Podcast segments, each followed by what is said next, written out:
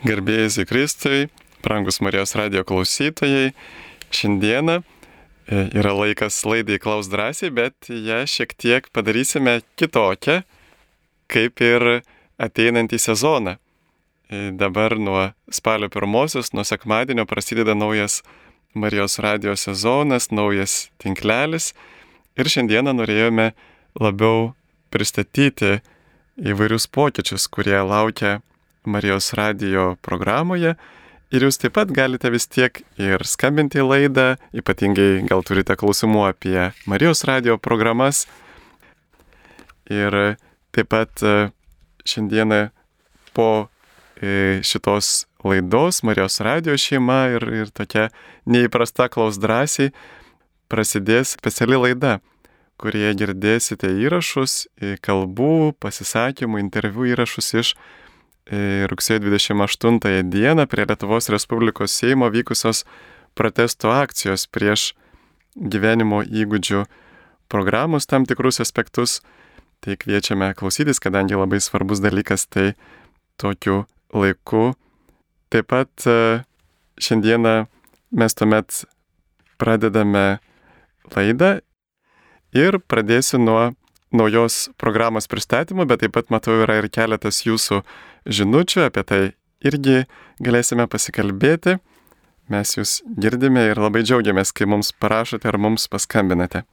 Taigi pradėkime dabar nuo naujosios programos, kuri iš dalies prasidės rytoj, sekmadienį, spalio pirmąją.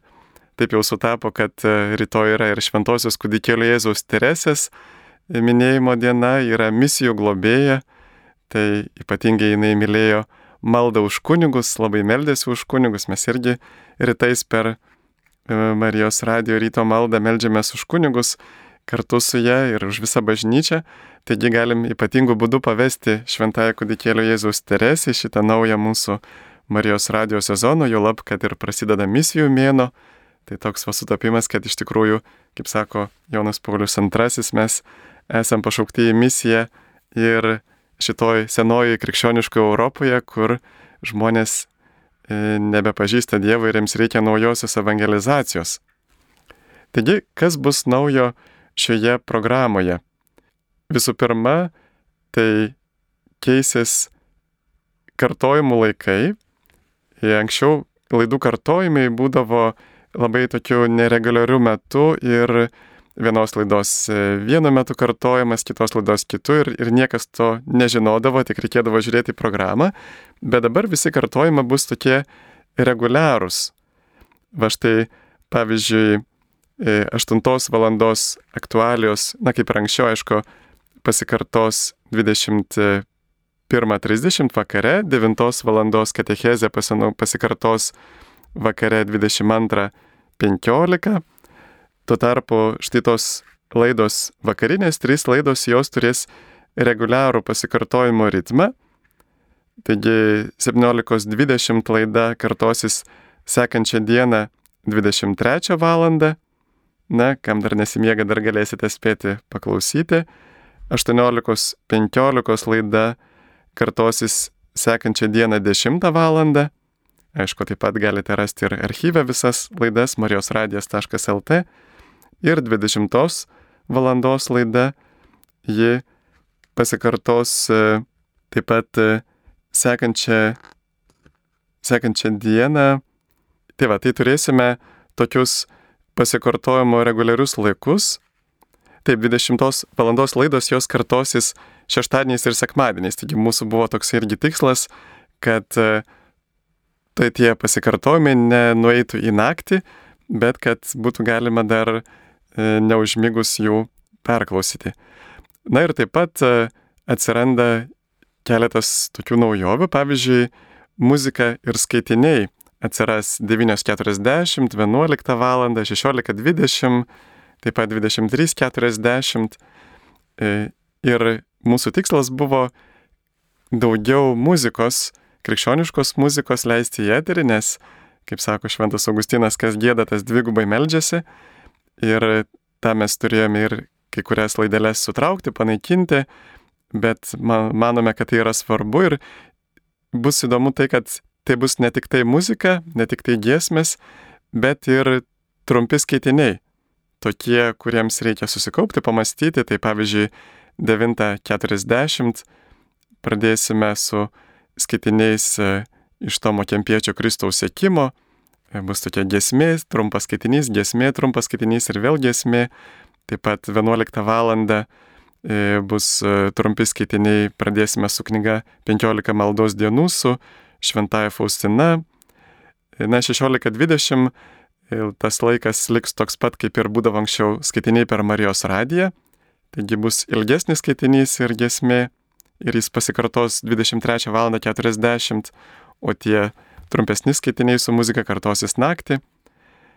1.40 ir 2.40, taip pat šeštadienį ir sekmadienį 7 ryte girdėsite irgi taip pat muziką su Bruno Ferrero apsakymų skaitiniais, o sekmadienį dar ir 9.40 ir pasikartos 23.40. Taip pat sekmadieniais atsiras sekmadienio meditacija iš bernardinai.lt. Jūs turbūt irgi esate jau įpratę iš bernardinų kartais stebėti, kaip įvairūs kunigai, dvasininkai, vienuoliai, pasauliečiai komentuoja sekmadienio Evangeliją, taigi bernardinai maloniai sutiko su mumis krikščioniškai pasidalinti. Tai sekmadienio meditaciją girdėsite e, sekmadieniais 11 15 ir 16 valandomis. Taip pat atsiras tokia trumpa dienos mintis, kada mes galėtume dažnai išgirsti tos dienos Evangelijos eilutę ir galbūt ir esam praklausę Dievo žodį, bet pamiršom ir ta trumpa eilutė Evangelijos mums padės ir melsti su tuo Dievo žodžiu ir jį labiau įkūnyti, išaknyti savo kasdienybėje. Taip pat atsiranda keturios naujos rubrikos tiesos beieškant, ji bus antradieniais 20 val. Apskritai stengiamės 20 val. laidas padaryti tokias gyvesnės, labiau skirtas jaunimui ir kas širdėje jaučiasi jaunas. Tai tiesos beieškant bus tokia diskusijų, debatų forma. E, bandysime ieškoti tiesos ir pateikti ne tik tai vieną požiūrį, bet ir skirtingus priešingus argumentus. Bus žmonių, kurie E, oponuos ir bandysime ieškoti tiesos, kaip ir anksčiau bažnyčioje buvo labai populiarūs disputai ir diskusijos, tik tai vėliau jie nunyko, kai bažnyčia atsidūrė ant skilimos lenkščiai ir e, atsirado daug įvairių erezijų 16 amžiuje ir, ir įvairių skirtingų nuomonių. Ir tuomet bažnyčia, na, tokia labai griežta pasidarė su, su diskusijoms, bet turbūt reikėtų vis tiek grįžti prie to atvirumo tiesos ieškojimai nes e, šitas argumentas, kad taip yra parašyta katekizme, arba kad e, tai bažnyčia arba kunigas sakė, jau mūsų žmonių nebeveikia, turime pagrysti tikrais argumentais, protingais argumentais.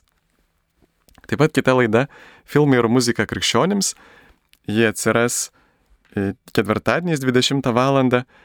Ir šios laidos tikslas irgi yra pristatyti daugiau tokių legaliai prieinamų krikščioniškų filmų, krikščioniškos muzikos grupių, tame tarp ir lietuviškų, kad e, galėtumėte taip pat e, šalia radio ir turėti tokio krikščioniško maisto jūsų sielai.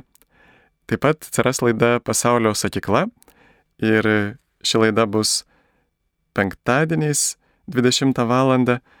ir jos tikslas yra į lietuvių kalbą išversti tokius pačius populiariausius, žinomiausius arba tiesiog labai svarbius, e, na, svarbes laidas, kurios yra išėjusios kitomis kalbomis, kad ir e, lietuviai galėtų paskanauti to, kas yra pasaulyje geriausio, kurie tikrai labai įdomiai šneka, bet, bet va štai mes lietuviai negalime jų suprasti, nes jie kalba kitomis kalbomis. Ir taip pat dar va paprašysim ir mūsų operatoriaus Jono pristatyti, bus nauja laida vaikams. Tai Jonai, ar galėtum apie ją papasakoti? Taip, tai planuojame suteikti žodį ir vaikams Marijos radijui. Iš tikro, um, prieš dešimt metų galbūt e, yra buvus Marijos radijui vaikų laida ir kars nuo karto ta idėja atkurti šią vaikų laidą vis gimdavo ir šiais metais mes bandysime įgyvendinti šitą idėją. Tai laida vaikams sekmadieniais 20 val. yra planuojama, kad bus tiesioginių laidų, interaktyvių laidų, į kurias vaikai galės paskambinti temos yra numatytos įvairios, dauguma jų yra susijusios su liturginiu kalendoriumi. Rytoj kviesime klausyti 20 val. apie Teresėlę. Taip pat prie laidos labai stipriai prisideda sesuo Benediktinė Justina. Tai bus ir eilė raštukų, ir giesmių, ir klausimų, ir galėsim ieškoti atsakymų ir tikimės, kad vaikai irgi aktyviai dalyvaus. Taip pat kviečiame ir jūsų vaikus, jeigu turite anūkus, paraginti, skambinti, galbūt net atvykti į radiją ir sudalyvauti dalyvauti tiesioginėje laidoje esame atviri ir tokiems pasiūlymams galite mums parašyti redakciją eta marijosradijas.lt arba paskambinti ir susitarsime. Ir tikrai būtų malonu, kad ši laida vienetų, skatintų vaikus pažinti Jėzų, suburtų tiek šeimas, tiek e, bendruomenės, galbūt taip pat vaikus, kurie ruošiasi sakramentams ir tai būtų jiems pagalba tikėjimo kelyje. Taip, ačiū Jonai. E, toliau dar tęsime kalbą apie naujoves. Matau, jau esate atsiuntę nemažai žinučių, tuoj pat jas e, bandysiu atsakyti. Kai kurios laidos, kai kurios rubrikos buvo sutrauktos tam, kad mes galėtume įvesti tas minėtas naujas rubrikas. Tai pavyzdžiui, muzika sakra buvo sutraukta su laida Tikėjimas ir kultūra, bus tokia viena laida, kuri, e, kurios e, galėsite klausytis kaip anksčiau jinai būdavo e, penktadieniais 10 valandą o štai dabar galėsite jos e, klausytis e, kitų metų, dabar pamečiau už savo sąrašą, bet e, vėliau pasakysiu. Taip pat kitos laidos sutrauktos yra radijas eina į svečius, irgi tikrai buvo labai daug įdomių reportažų. Štai čia nesiniai girdėjote ir apie išlaužo parapiją, ir, ir apie klebono papūgą. Man labiausiai patiko jos kalba. Ir tas laidas mes galime įdėti kitas rubrikas, e, sujungti su kitomis rubrikomis, tai tokios kaip atskiros laidos radijas į svečius nebebus to pavadinimo, bet mes toliau eisime į svečius. Taip pat laida rubrika jo žaizdomis išgydyti ir Dievas gydo rubrikos yra sujungtos ir bus vien tik tai pavadinimas Dievas gydo, bet liks abiejų rubrikų vedėjai. E, jie tada kalbės šiek tiek rečiau, bus tokia didesnė kalbėtojų įvairovė Taip pat muzika ir žodis liudija, kai būdavo sekmadienį tokia e, poezijos, toks poezijos laikas vakarais. Tai dabar, kadangi vietojo atsiranda laida viešpaties vaikams 20 val. sekmadienį vakare, tuomet šitą laidą persikels į atokvėpio valandėlę, galbūt mus šiek tiek mažiau, e, bet e, vis tiek dalinai galėsite išgirsti. Taip pat 9.45 e, būdavo tokios trumpos laidelės, atsiprašau, ir jas mes e, šiek tiek panaikinome ir e, tam panaikinome, kad galėtų atsirasti va daugiau laiko muzikai ir, ir skaitiniams. Ir štai tas e, laidas darysime kartą per mėnesį, kaip spaudos apžvalga, galbūt pavyks surinkti naujienas iš vairių viskupijų. Taip pat buvo tokia dar laidelė bažnyčia skelbė, E, įvairius bažnyčios dokumentai, man atrodo, tai yra labai svarbu, bet kartais mums yra sunku vien tik tai klausytis dokumentą be komentaro, kartais būna sudėtingų dalykų juose. Taigi, juos e, irgi darysime kaip paskirą katechezės laidą kartą per savaitę ir kiek greičiau, kur galėsite išgirsti ne tik tai bažnyčios dokumentų skaitimą, bet ir jų komentarus. Taip pat e, laida rubrika Ką daryti, ji persikeliu į, į aktualijas, nes visą laiką būdavo tos temos aktualios ir aktualiuose girdi daugiau žmonių važiuodami į darbą. Taip pat daugiau bus aktualijų vedėjų, profesionalių žurnalistų, e, pavyzdžiui, e, ryto garsus vedęs žurnalistas Vytautas Markevičius, per LRT dirbęs jisai e, ves irgi kartą per mėnesį laidą iš Bernardinai LT, taip pat e, jau jums žinoma žurnalistė Regina Statkuvinė, taip pat Aušra Čiabatoriūtė su, dirbusi su Vatikano radiju ir Bernardinais, taip pat Dovelas Petkus, dirbantis laikmetyje, Magnificat žurnalistė, Magnificat redaktorė Veronika Kimbrytė, taip pat jums jau laidoje žinomas profesorius, medicinos daktaras, medicinos fakulteto dekanas Andrius Macas irgi kartą per mėnesį ves laidas, taip pat, pavyzdžiui, krizinio neštumo centro atstovai, maisto banko atstovai parengs keletą laidų į aktualijas, kad jos būtų įdomesnės, daugiau būtų įvairių profesionalių vedėjų. Na ir dabar turime telefonų skambutį. Mums paskambino Bernadeta iš Vilniaus. Tai Bernadeta klausome. Taip, čia tokiu aš turiu pirmą įžanginį tokį pranašų erą jau užsibaigė, turbūt, kai buvo Elijas, Mozė, Dovydas, kaip dabar aš skaitau Bernadetos knygą Liurdu, kiek vargo Bernadeta, kol ją pripažino regėtoje. Tai dabar jeigu taip kam atsitiktų, tai jau turbūt jokių prošvaiščių nebūtų, o tu paskaitytų, kad iškis stogas pavažiavo. Dabar antras dar klausimėlis.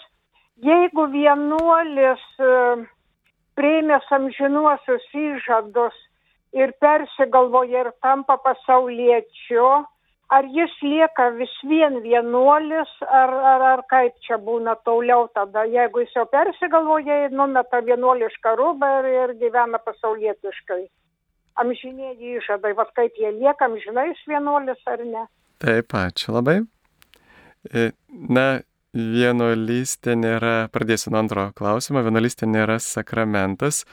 E, kunigystės, pavyzdžiui, sakramentas arba krikšto sakramentas, jisai spaudžiamas amžinai.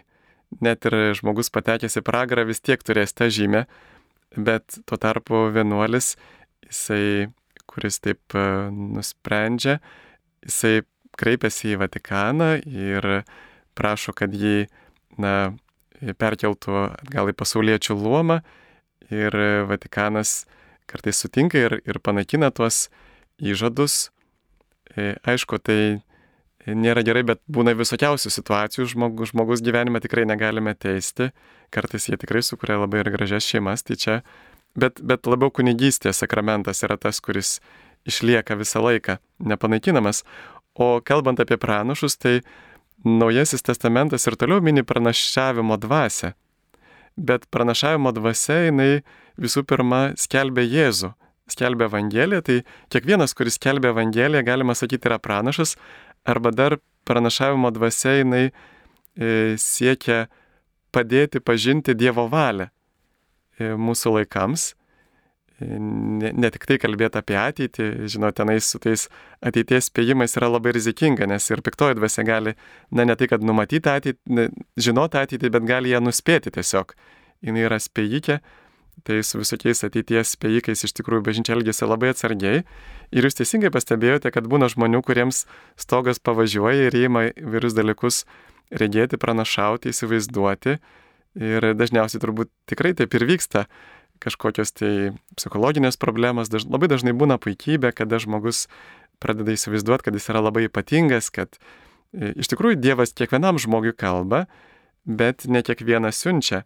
E, pavyzdžiui, pranašo Jeremijo knygoje yra ganėtinai griežtai kalbama apie pranašus, kuriuo Dievas nesiuntė, e, kad, na, Dievas rūščiai juos žvelgia, kad Dievas nesiuntė jų kalbėti Dievo vardu.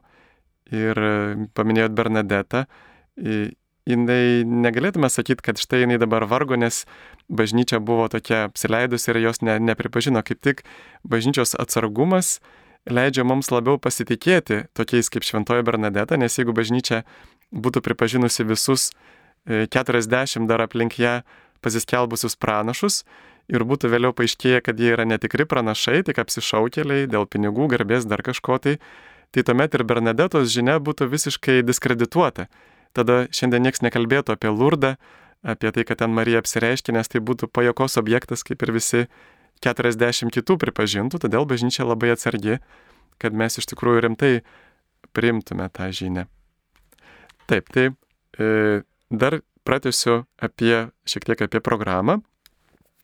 Bus daugiau temų įvairiose dabar jau esančiose rubrikose, pavyzdžiui, gyvybės medžio rubrikoje bus kūno teologijos tema, taip pat ir gydytojai kalbės pavyzdžiui, Edita Jašinskinė, kuri yra e, klinikų vaikų endokrinologijos skyriaus vedėja.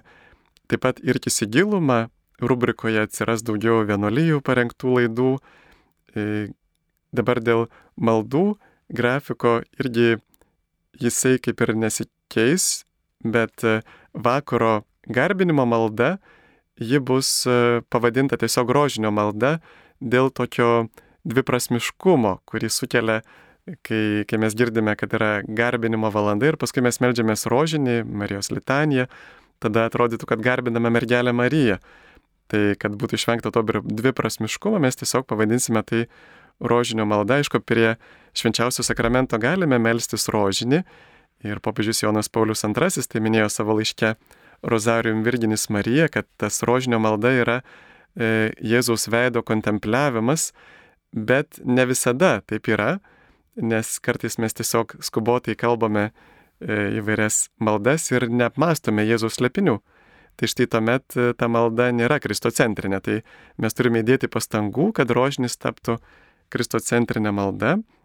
Taip pat jau tuoj turėsime skambutį, bet dar porą minčių, porą dalykų. Sekmadienį 18 val. E, būdavo šventos mišios iš Kaišėdorių katedros. Tai šį sekmadienį jos bus paskutinį kartą nes e, e, kai kurie, daugelis žmonių, kurie gali dalyvauti mišiose, jie jau yra sekmadienį sudalyvavę mišiose ir nori išgirsti laidų. Ir kai yra trys mišios sekmadienį, tuomet sumažėja laikas mums kalbėti apie, na, laikas laidoms. Tuo tarpu tie, kurie negali dalyvauti, jie vis tiek būna visą dieną namuose ir jie gali arba 10 arba, 8, arba 12 valandą išklausyti šventųjų mišių. Taigi ir dar vienas toks tikslas - panaikinti tas sekmadienio mišes, kad žmonės nepiknaudžiautų tie, kurie gali nueiti į mišes, kad jie ir nueitų į mišes, bet e, nesidėtų, neliktų sėdėti ant sofos namuose. Taigi turime skambutį. Paskambinau Onutė iš Kauno. Garbėjai su Kristu. Per amžius, Onutė. Aš norėjau pas jumi paklausti, e, ar bus kartuojama šita laida E, Klaus drąsiai dabar pakeista jinai vakarais, vakare. Nes e, sekmadienį, žinot, tokiu laiku žmonės daugiausiai bažnyčia eina, tai žinot, neturi kada pa, paklausyti. Bet labai įdomi laida. A, ačiū labai. Taip, ji bus kartojama 22 val. 15. Šeštadieniais 22 val. 15. Dar prieš miegą galėsite pasiklausyti mūsų E, linksmų pasakojimų. Taip. Ir e, toliau e, dar viena naujovė, kad bus galima vėl išgirsti ir Faustinos dienoraščio skaitimus tarp Dievo gailestingumo vainikėlių ir kryžiaus kelio maldos. Taip pat atsiras daugiau maldų, kurias galėsite perklausyti archyvę, pavyzdžiui, valandų liturgijos, maldas jų dažnai prašo kunigai, kad galėtų irgi kartu melstį su Marijos radiju, bet nesuspėjo to laiku, kada transliuojamas, arba, pavyzdžiui, Dievo gailestingumo valanda, galbūt kai kurie dirbate ir negalite tuo metu įsijungti Marijos radijo, tai va štai tas e, maldų transliacijas galėsite išgirsti ir perklausyti paskui ir net ir parsisiųsti iš Marijos radio archyvo, iš interneto svetainės marijosradijas.lt. Taip pat tikriausiai bus vėliau ir E, Spotify platformoje jos prieinamas. Na ir taip pat e, atsiras ateityje, jau dabar yra pas mus kameros šitoje studijoje, iš kurios aš kalbu, ir mūsų technikas Donatas jau žadėjo greitai jas sukonfigūruoti, kad e, laidos būtų ir filmuojamas. Taigi, kurie laidų vedėjai sutiks būti filmuojami, tai tas laidas iš, iš Kauno studijos galėsime įkelti ir į, į YouTube e, socialinį tinklą, YouTube kanalą Marijos radio. Na ir dabar galime dar e, peržvelgti jūsų, jūsų klausimus. Ai, dar turime skambutį, taip. Paskambino Saulis iš Kauno. Taip, klausome, Sauliu. Garbėjai Žvaigkristui. Per amžius. Ketvirtadienio e, rožinio 14 valandos kalbėjime. Nu, pirmas slėpinys prasidėjo nuo Kanų vestuvės, Jėzaus Kanų vestuvėse įvykdyto stebuklo, o ne nuo Jėzaus krikšto. Tai mane labai stebina, kad taip neatsakingai parinkami vedantieji, kurie taip, ne, nu, gėda klausyti. Rožinį pradeda nuo... nuo Taip, ačiū, ačiū, supratome. Dėkojame už pastabas, tenksime pasitaisyti, taip. Kaip ten sako, yra, klysti yra žmogiška, bet stengsime taisytis. Jėzus yra pasakęs, kur du ar trys melsis, ten ir aš būsiu kartu. Aš gyvenu viena, rašo klausytoja, ir melžiuosi su Marijos radiju. Ar man taip skaitosi?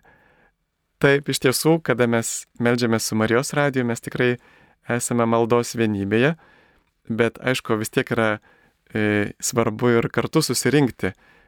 Į pavyzdžiui, sekmadienio mišęs, jeigu tik tai yra galimybė, jeigu tik tai sveikata leidžia, nes tuomet mes liudijame ir savo tikėjimą, kad štai bažnyčia nėra nunykusi, kad žmonėms rūpi Dievas ir taip pat turime progą susitikti, pažinti kitus krikščionis ir taip pat, na, tai yra tam tikras irgi mūsų ūkdymasis ir, ir buvimas kartu prie švenčiausio sakramento yra toks ir, ir netgi kaip ženklas tos vienybės, kurios trokšta Jėzus, kai jis atsiunčia šventąją dvasę, meilės dvasę, kad krikščionys būtų vieningi. Tai iš tikrųjų yra labai svarbu susiburti vienybėje, maldos vienybė ir fiziškai, kai tai yra įmanoma. E, kitas klausytojas, Antanas iš Vilniaus, klausia, Jeigu skaitėte kunigo Česlovo Kavaliausko knygą Trumpas teologijos žodynas, kaip vertinate joje išdėstytą žmogaus sukūrimą iš jau egzistavusių gyvūnų evoliucionavimo keliu? Taip, tas evoliucijos klausimas tikrai yra labai svarbus ir jis yra šiek tiek toksai, e, jame yra tam tikrų neiškumų. Tai visų pirma, mes matome, kad evoliucija turi labai skirtingus evoliucijos žodžių, vadinami skirtingi dalykai. Ir pavyzdžiui, kad e, visi organizmai laikui bėgant kinta. Mes matome, kad taip ir yra. Toliau, antras dalykas, kai kalba tie žmonės, kurie gina evoliucijos teoriją ir, ir ją pristato, ne tai kad gina, bet tiesiog kalba apie evoliucijos teoriją, sako, kad ta žodis taip pat reiškia evoliucijoje, jog visos gyvos būtybės kažkada atsirado iš bendrų protėvių, ar vieno, ar keleto, kaip Darvinas rašo savo rūšių kelmėje ir beje pirmose leidimuose jisai buvo paminėjęs, kad kuriejas įdėgė gyvybę į paprastą pradinę gyvybės formą ir paskui iš jos viskas išsivystė. Na, kad e, turėjo tuo metu mokslininkai tokią mintį, kad nejaugi Dievas kiekvieną vabalą e, užsiims atskirai kurti, kai jis gali na, sukurti tokį mechanizmą, kada e, jie tiesiog evoliucionuoja na, tarsi patys kūrėsi, bet štai jau su, šita, su šito požiūriu yra problema, nes trečiasis, trečioji reikšmė žodžio evoliucija, e, kaip jinai yra apie ją kalbame evoliucijos teorijos kontekste, yra būtent ta, kad e, evoliucija vyksta vien tik tai atsitiktinumo dėka, būtent atsitiktinių genetinių mutacijų ar rekombinacijos arba taip pat atsitiktinės natūraliosios atrankos būdu. Ir štai mūsų amžyje, informatikos amžyje, ypatingai akis krenta štai šitas momentas, nes jeigu mes paskaičiuotume matematiškai, kiek daug yra informacijos, apskritai, kad kiekviena gyva būtybė, mes vėliau pažinome, dar vienas to dar nežinojo, yra užprogramuota. Genai mūsų yra kaip kompiuterinis kodas iš keturių raidžių, tai yra būtent simbolinis kodas, ir visos gyvos būtybės turi tą patį kodą. Ir ten yra tiek daug informacijos, tiesiog terabaitai informacijos ir kiekviena nauja gyva būtybė, jai reikia naujos informacijos, naujų instrukcijų, kaip tą gyvą būtybę pagaminti. Ir jeigu mes paskaičiuotume matematiškai, na pavyzdžiui, kad ir paimtume labai nedidelį sakinį, pavyzdžiui, du gaideliai, du gaideliai, baltų žirnių skūlė. Va toks labai paprastas sakinukas, labai nedaug informacijos, tikrai daug mažiau negu reikėtų, pavyzdžiui, kad ir skrusdėlę sukurti, be galo daug mažiau.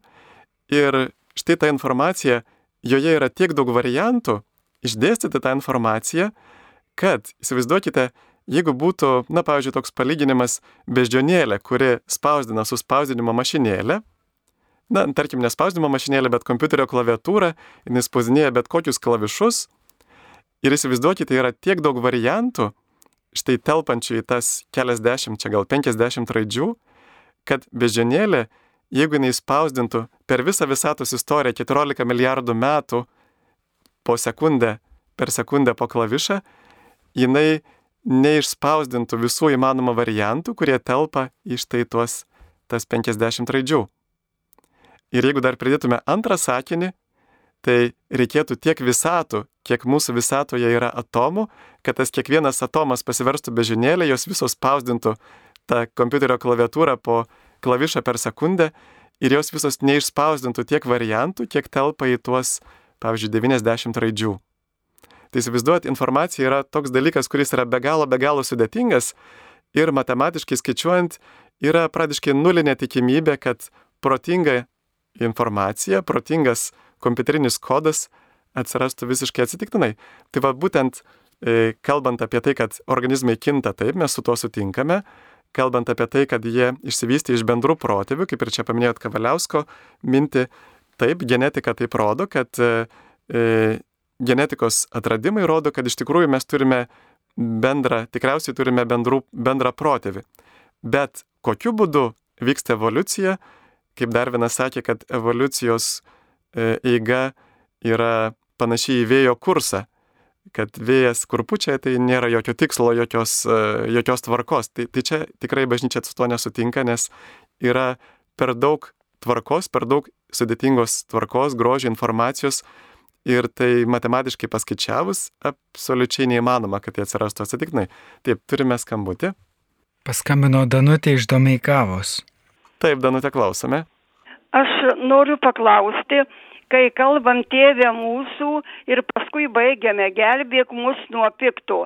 Ar reikia, saky, paskui jau kalbam sveika Marija, ar reikia nuo pikto sakyti amen?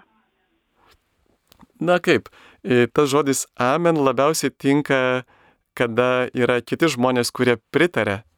Pavyzdžiui, yra kažkokia tai malda ir kiti paskui pritarė, kurie nežino tos maldos teksto, bet galima, galime ir mes, na čia jau toks žmonių pasirinkimas, tas amen yra toks kaip patvirtinimas. Taip, tai čia nais būkite laisvi, kaip, kaip jūs bendruomenėje melžiatės, tai taip ir jūs melskitės. Taip pat kitas klausimas, E, gyvenu intimų gyvenimą metrikacinėje santokoje, ruošiamės atlikti išpažinti prieš santokos sakramentą. Kaip sažiningai išpažinti nuodėmę, jei dėl jos nėra atgailos? E, taip, geras klausimas, kartais mums yra sunku suprasti tam tikrą bažnyčios mokymą. E, šiuo atveju, pavyzdžiui, kodėl lytiniai santykiai prieš santoką, va kaip jums yra galbūt sunku suprasti, sigitai, kodėl tai turėtų būti nuodėmė? Ir atsakymas turbūt būtų labai paprastas. E, jeigu žmonės nėra įsipareigoję kurti šeimą, tuomet galinti atsirasti gyvybė yra labai didelėme pavojuje. Gerai, jeigu, na, na netai pasakiau, bet įsivaizduokite, jeigu e, štai jūs, jūsų, e, kaip čia pavadinti, sugyventinė pastoja arba, na, tiesiog jūsų žmona pagal civilinę metrikaciją pastoja. Ir tuo metu, jeigu jūs e, neturite pasiryžimo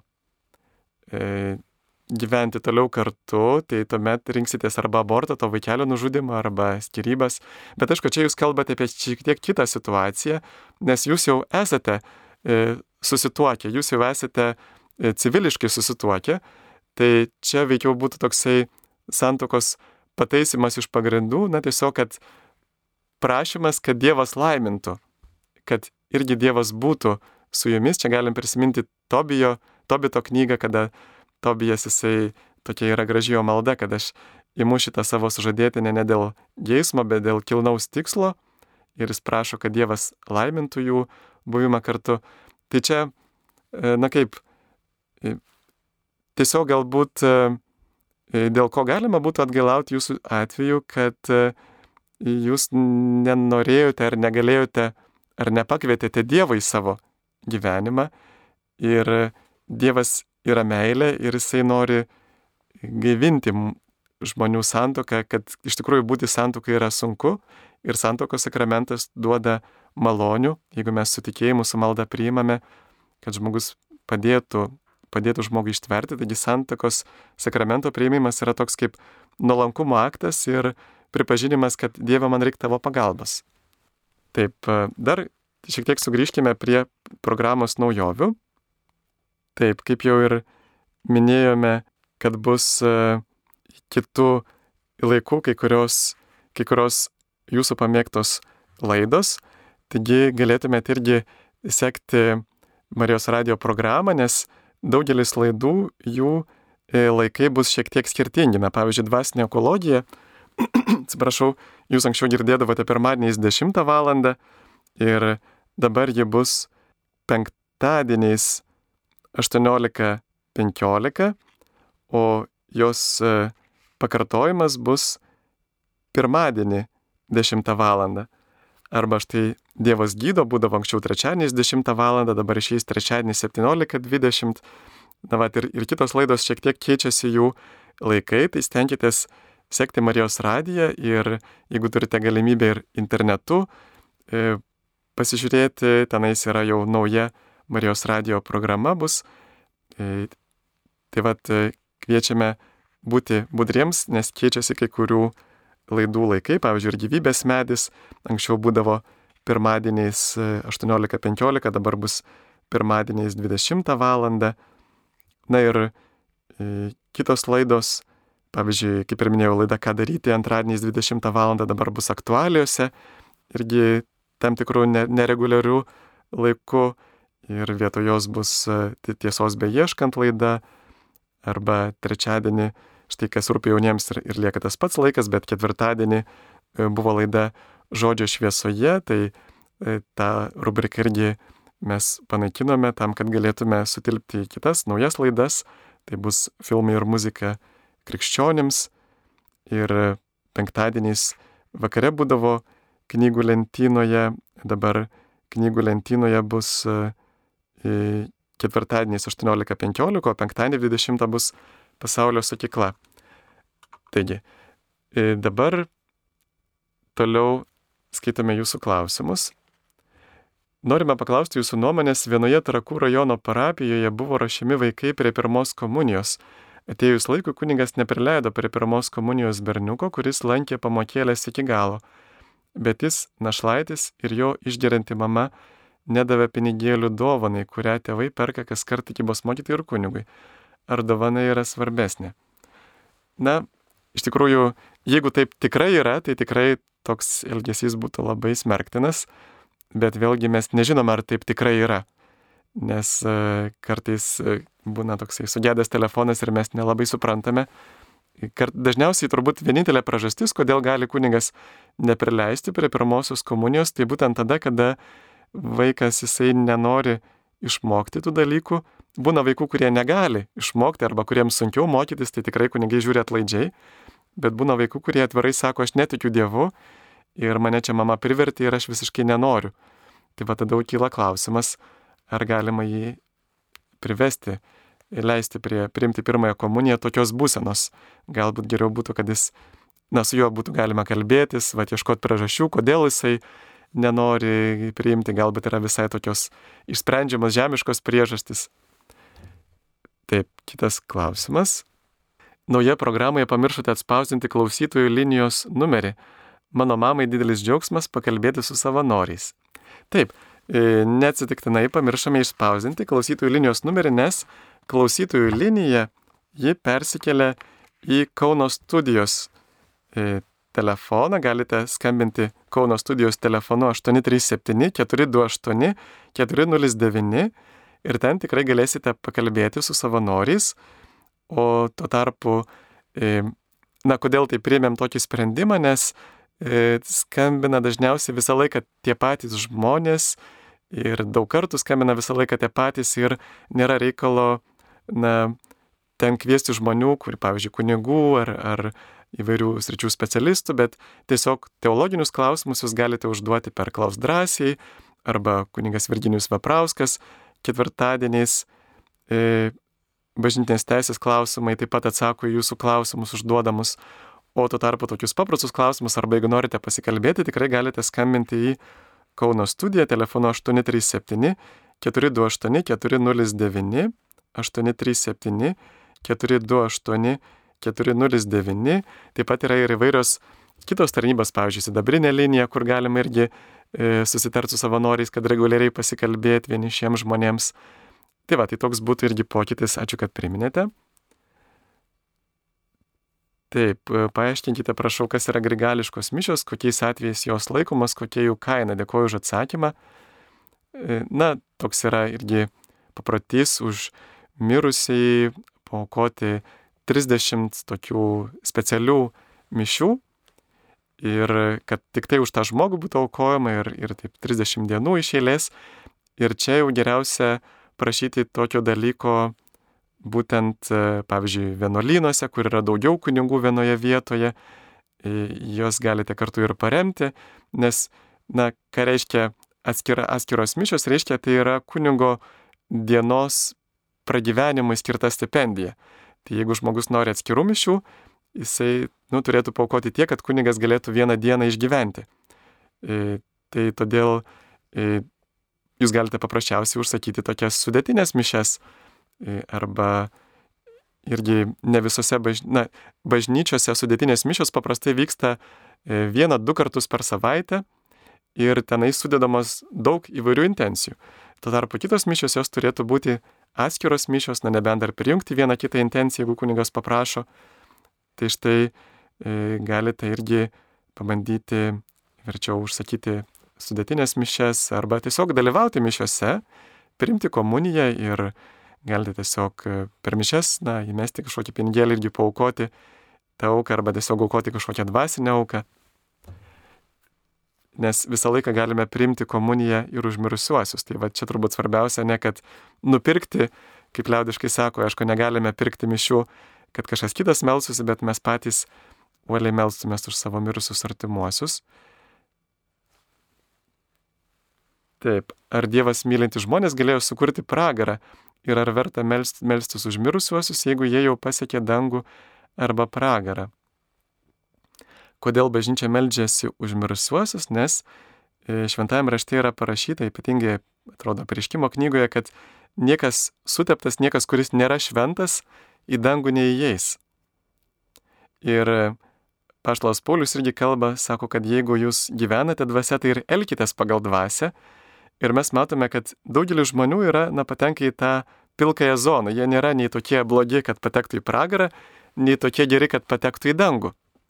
Ir štai todėl ir šventasis raštas irgi liudyja, e, kad štai vad kai kurie bus išsigelbės tartum per ugnį, kaip prašo paštalas Paulius, kad kas stato iš, iš aukso sidabro, na, kitaip sakant, kieno darbai išliks, kas iš tikrųjų nuoširdžiai, e, va kaip žinot, auksas yra e, e, atsparus ugniai. Čia nėra kalba apie kažkokius pinigus, bet apie turtą, bet auksas ir sidabras yra atsparus ugniai metalai.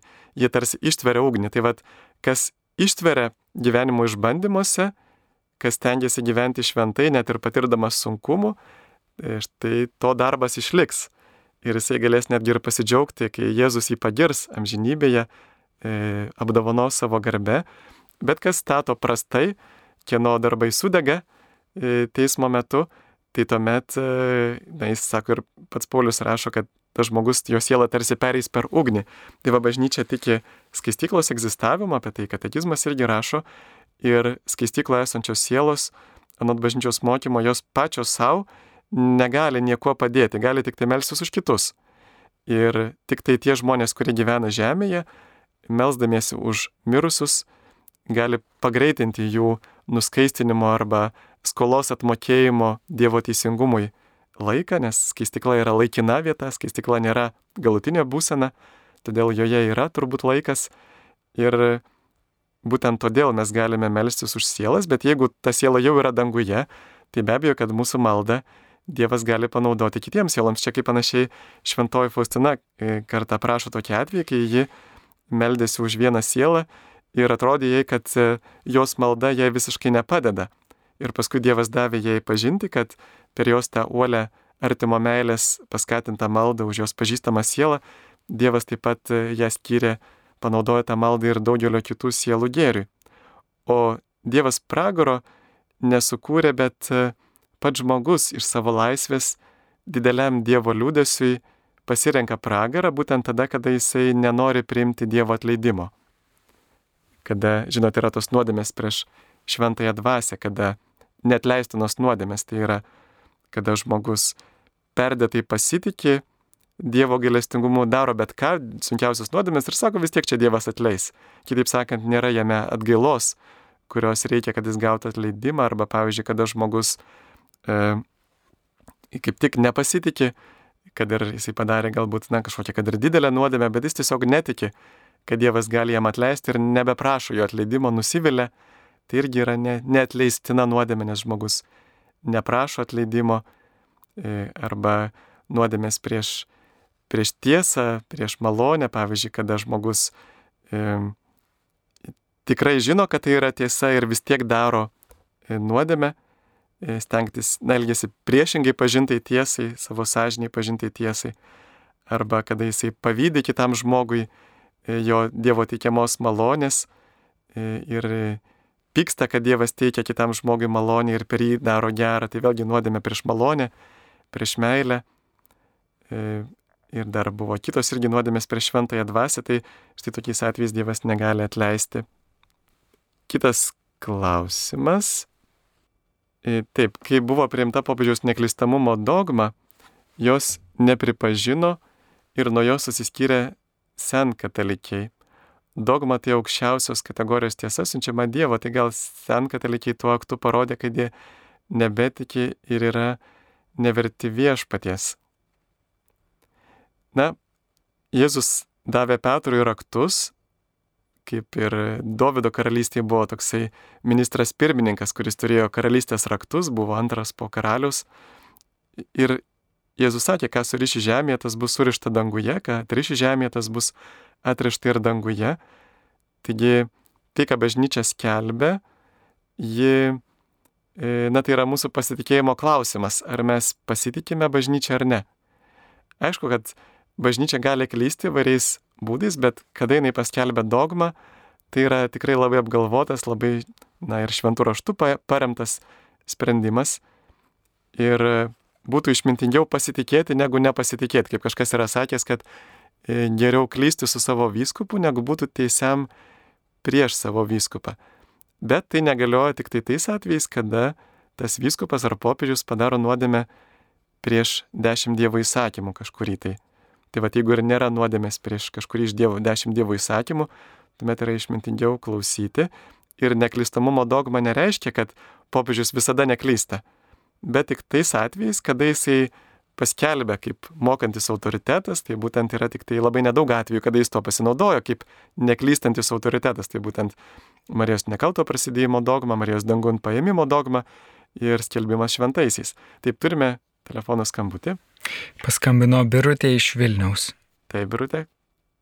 Aš noriu paklausti, ar bus tikėjimo vartai laida? Taip, taip, bus e, ir toliau tuo pačiu laidu e, metu 17.20 ir per tą laidą taip pat atsiras dar nauja, nauja laida kartą per mėnesį, kalbės gyvųjų akmenų bendruomenės nariai parengs laidą, tai va šiek tiek bus daugiau vedėjų toje laidoje. Taip, ačiū.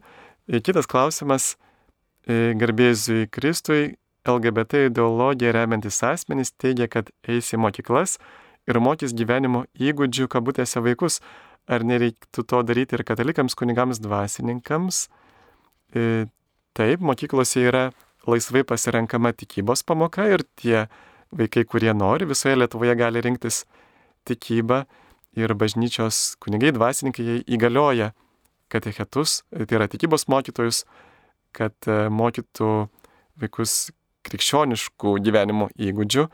Ir daugiau apie šitą gyvenimo įgūdžių programą jūs galėsite išgirsti toj pat dabar specialioje laidoje 10.15 apie vykusi protesto akciją prieš šitą gyvenimo įgūdžių programos litiškumo dalį. Ir taip pat e, poryt pirmadienį 8 val. aktualijų laidoje. E, kita žinutė kas atsitiks su žmonėmis, kurie priversti gyventi kitur, priimant kitą tikėjimą. Na, šventame rašte parašyta ir, ir Jokūbas, ir, ir Paulius rašo, kad kas nesielgia pagal savo įsitikinimą, tas nusideda. Taigi per prievartą priimti kitą tikėjimą jau yra nuodėmė. Ir tik tai svarbu, kad mes, turėdami savo įsitikinimus, kad taip pat nepamirštume ne tik pareigos elgtis pagal savo įsitikinimą, bet ir pareigos ieškoti tiesos. Taip, labai nervina žodis atsiradęs, labai dažnas žodis rubrika vietoj laida. Taip, kodėl mes naudojame rubriką, ne, rubrum nuo žodžio latiniškai raudonas, žinot, kur antraštis būdavo ir mišiolė, ir kitur bažnyčios dokumentuose paraudonintos. Tai ir čia rubrika yra tarsi laidų grupė, nes laida gali būti atskira, na pavyzdžiui, šiandien yra laida. E, dabar jūs girdite laidą, bet rubrika yra E, speciali, tai yra, atsiprašau, Marijos radio šeima, arba kitu atveju klausytės Klaus drąsiai rubrikos. Tai tiesiog, kadangi toje pačioje rubrikoje būna skirtingi vedėjai, e, visai skirtingos laidos, tai tuomet e, mes ir išskiriame. Nu, rubrika yra tarsi laidų grupė. Laidų tokia šeima. Na, atsiprašau, žodis šeima netinka, mes labai praplečiam šeimos savoką šiais laikais. Taip. Kaip buvo nustatyta, kad popiežius kalbėdamas iš katedros neklysta tik dorovės ir tikėjimo dalykuose, gal jis neklysta ir politiniais ekonominiais klausimais, jeigu tą skelbia iš katedros. Na, tiesiog e, tai žmogiškai yra suvokiama, jeigu e, gydytojas pradėtų kalbėti apie politiką, jis kartais galėtų nusikalbėti arba apie teologiją, arba apie, na, aišku, būna gydytojų, kurie teologiją išmano geriau už kunigus, tikrai būna taip, bet e, gydytojas geriausia, kad jis kalbėtų apie savo sritį, kuris yra specialistas, ekspertas, nes kitose sritise jo žodis bus tik tai tokia tik nuomonė. Ir panašiai kaip paprasti žmonės vėlgi pradeda elgtis kaip gydytojai ir kalbėti apie medicinius dalykus, kaip patys nėra studijavę medicinos, vėlgi tas jų kalbėjimas yra bejotinas.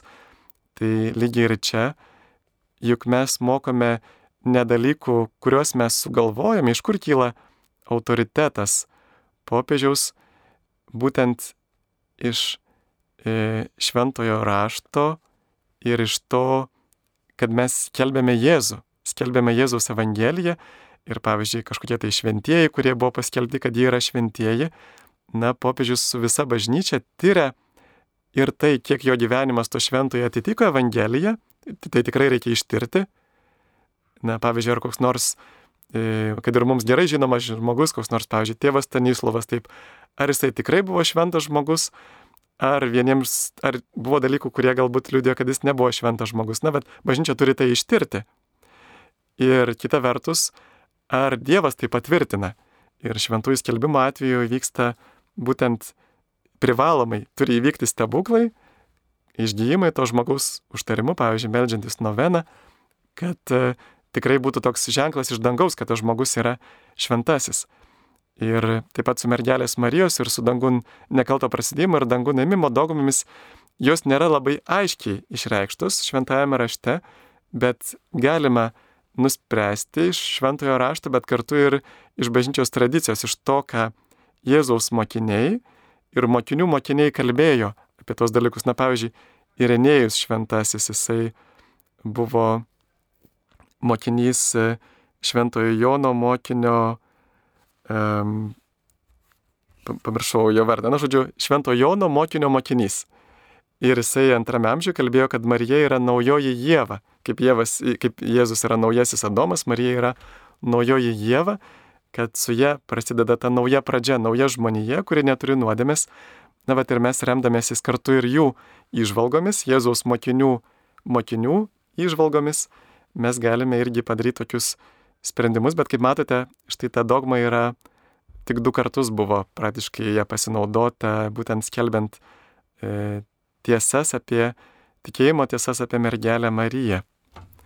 E, taip, e, labai skaudu, kad kunigai netikė Jėzaus ir Marijos pranešimais, kad skiepai čipai bus dedami per prievartą. Jono prieškime rašoma 13 nuo 15 skyriaus. Tai taip pat apie netikrą pranašą, kad tarnauja e, piktajam, jei neaiškinsite, pražudysite daugumą sielų ir taip toliau. Na taip, supratome jūsų klausimą.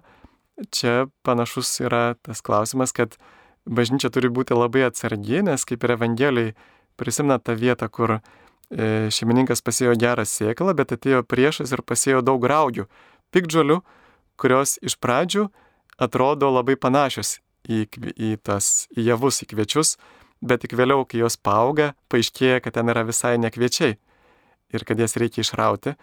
Tai va štai todėl bažnyčia ir, na, iš karto nerauna įvairių dalykų, va, jau nuo popiežiaus atrodo Urbano 8 yra tas e, leidimas kalbėti apie tos dalykus, bet e, kunigai jie tikrai negalėtų skelbti tų dalykų viešai mokyti, kurie dar nėra patvirtinti bažnyčios. Ir iš vaisių bažnyčia paskui atpažįsta, ar tie dalykai buvo tikri, ar galima jais pasitikėti, ar įvyko ant gamtiniai ženklai, ar tai kažkokio žmogaus lyguista fantazija, ar gal net dar blogiau iš piktosios dvasios kylantis dalykai, kurie, na, pavyzdžiui, matome, kai kurie dalykai labai supriešina žmonės. Va, pavyzdžiui, kad ir tie patys skiepai. Įsivaizduokite, kaip supriešina šeimas tas skiepų klausimas, kuris apskritai yra, na, medicininis klausimas. Ir mums kartais ir pritrūksta informacijos apie tai.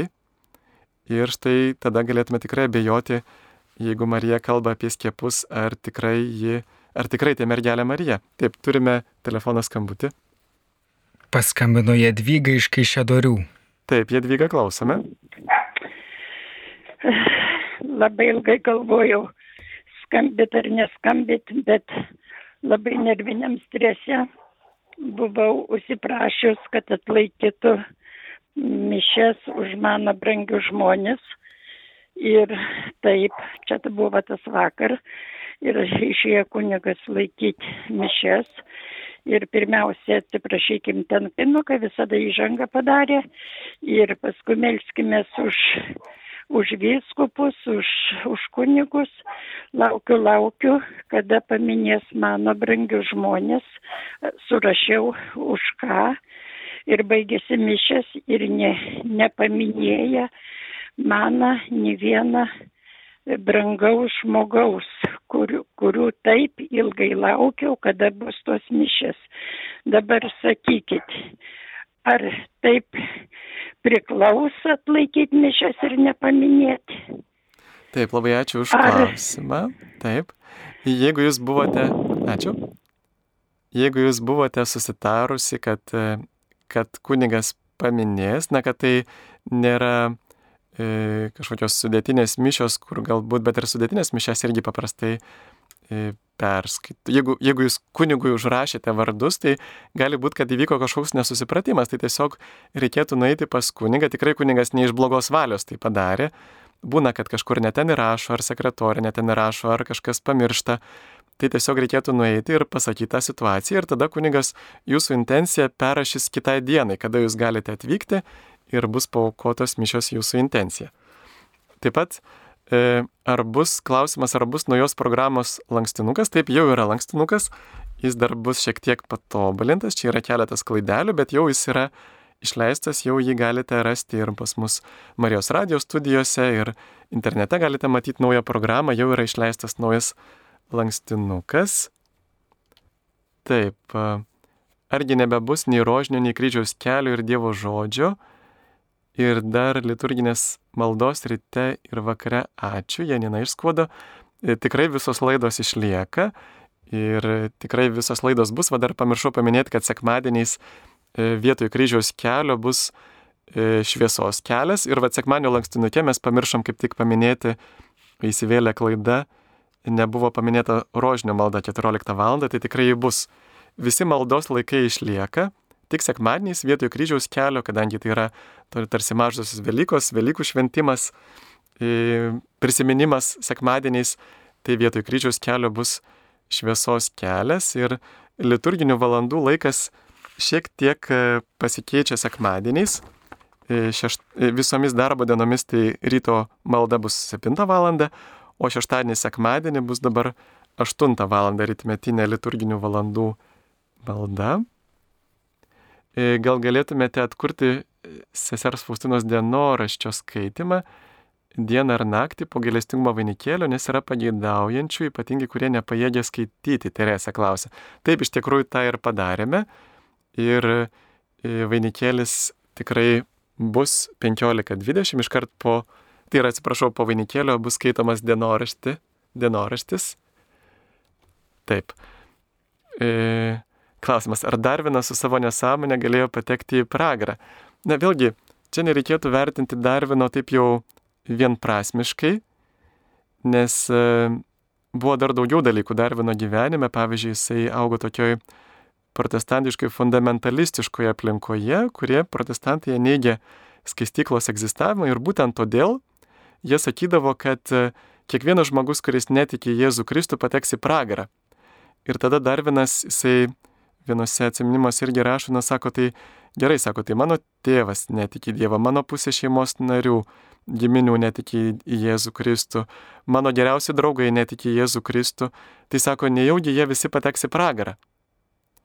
Ir kitas dar Darvinui buvo sunkus klausimas, kada mirė jo mylima dukrelė ankstyvame amžiuje ir jam buvo toks didelis tikėjimo išbandymas, va kodėl Dievas leidžia gamtoje kančią, kodėl jis matė ir, ir būdamas tyrinėtojų gamtoje daug kančios ir, ir kodėl žmogui, žmogui leidžia kentėti. Ir vėlgi šitą klausimą dėl žmogaus kančios mes galime atsakyti tik tai Jėzaus kančios kontekste kad e, visų pirma, šis gyvenimas nesibaigia čia, bet e, Jėzus kviečia mus į amžiną laimę su juo, kur nebebus jokios kančios. Ir ta kančia, ypatingai kitų žmonių kančia, yra proga ir aukti meilėje, nes na, mes galim tiesiog užsidaryti, va kaip dabar šio laikinėje kultūroje, gal ir mūsų gyvenime yra populiaru. E, mačiau tokį filmuką, kaip moteris eina kartis, jauna mergina, ir ją rodo per televizorių ir visi įdomiai žiūri, kaip jinai ten eina ir bando nusižudyti, bet ne vienas, e, tik vien, vienintelis žmogus bėga jos išgelbėti. Tai va panašiai ir mūsų kultūroje tokia yra abejingumo kultūra, kur mes esame, kadangi gyvename patogiai ir gerai, mes nebesuprantame kito žmogaus kančios, sotus alkono neužjaučia. Tai va ta kančia mūsų gyvenimą mums padeda augdyti gailestingumą, o gailestingumas yra didžiausia Dievo savybė. Taigi mes kančioje, patirdami kančią, padėdami kitiems kančioje, mes tampame iš tiesų panašus į Dievą. Dievas yra gailestingas, turi gailestingą širdį. Taigi kančia turi savo prasme ir netgi kančia yra Jėzus savo kančia padarė kančią atperkančią Dievo teisingumui kitų nuodėmės. Nes atlygis už nuodėmę mirtis ir kančia, taigi dažnai nuodėmę padarome siekiant tam tikro malonumo. Taigi e, per kančią Jėzus davė progą atpirkti ir pats atpirko nuodėmės ir davė mums progą prisidėti šitame atpirkimo darbe, kad mūsų kančia nebūtų beprasme. Tai va, tai Darvinas teisingai pastebėjo, kad vyksta mikroevoliucija ir iš tiesų vyksta ir makroevoliucija. E, bet kaip jinai vyksta, tai mums yra didelė paslaptis, nes e, e, fosilijos liudija, kad labai staigiai vienos formos atsiranda, pavyzdžiui, per kambros sprendimą labai staigiai atsirado daugybė, pradiškai beveik visos dabartinės, dabartinių gyvų būtybių protėviai kūno formos. Taigi mes, kur Darvinas tikrai klydo, mes galime pasakyti būtent tas, kad jisai neižvelgė toje tvarkoje kurėjo, bet vėliau sakė, kad tai yra tik tai vyksta vien tik tai natūralios atrankos būdu. Na, jis tiesiog nežin, nežinojo, kokia sudėtinga yra lastelė. Taip dar turime skambutį ir jau toj baigsime laidą. Mendaugas iš Panevežio viskupijos paskambino. Taip, Mindaugai klausome. Garbėzai Kristai. Per amžius. Pons kunigė, esate azerbaidžianietis. Atsiprašau, azerbaidžanietis. Mano tėvas taip yra azerbaidžianietis. Dabar, dabar kol kas yra e, genocidas azerbaidžianiečių su armenais. Armenai yra katalikai. Ką pasakysite? E, na, be abejo, kad e, e, tai yra blogis ir yra liūdna, kad Azerbaidžianas, man atrodo, taip ir nepripažino to armėnų genocido, kur jau seniai buvo vykdytas, kur daug žmonių, ar apie milijoną, ar kiek jų buvo nužudyta. Ir tikrai labai liūdna. Ir aš kartais taip net galvoju, kad galbūt mano koks nors prosenelis E, žudė krikščionis ir turbūt tas krikščionis meldėsi už tą mano prosinelį ir galbūt e, išmeldė va štai man dabar pašaukimo malonės. Tai be abejo, čia aišku yra rimta tema, negalime juokauti, bet e, na, vis tiek tie dalykai vyksta ir dėl, aišku, religinių įsitikinimų, ir dėl, dar labiau dėl turto, dėl, dėl teritorijų. Bet štai galime kai kuriuose šalise pastebėti, kad musulmonai ir krikščionys labai gražiai sugyvena. Nepaisant to, kad na, mums gali kilti irgi įvairių abejonių, kaip, kaip ar ten tikrai Angelas Gabrielius na, apreiškė Mahometui tuos dalykus ir, ir ten tikrai daug gerai Korane ir tokių teologinių klaidų apie, apie tą pačią krikščionybę, bet yra šalių, kur labai gražiai sugyvena musulmonai ir krikščionys. Ir, ir pavyzdžiui, Egipte. Ir vis tiek turime siekti, kaip ir antro Vatikano susirinkimas, e, tokia e, viena iš deklaracijų apie santykius su kitomis religijomis liudija, kad mes turime siekti taikos, e, atrasti tai, kas yra bendra ir gera tose religijose, nes yra tikrai gerų Dievo įkvėptų dalykų daugelį religijų, su jomis daryti gerus darbus. Ir musulmonai taip pat yra mums artimi tuo, kad jie yra irgi Abromo protėviai ir jie gerbė mergelę Mariją ir taip pat gerbė Jėzų. Tai va, tai šiandien laidą ir baigiame. Prie mikrofono buvo aš kuningas Sigitas Jurkštas. Dabar klausykite specialiosios laidos apie e, vykusi protestą prie Seimo dėl gyvenimo įgūdžių programos. Sudė.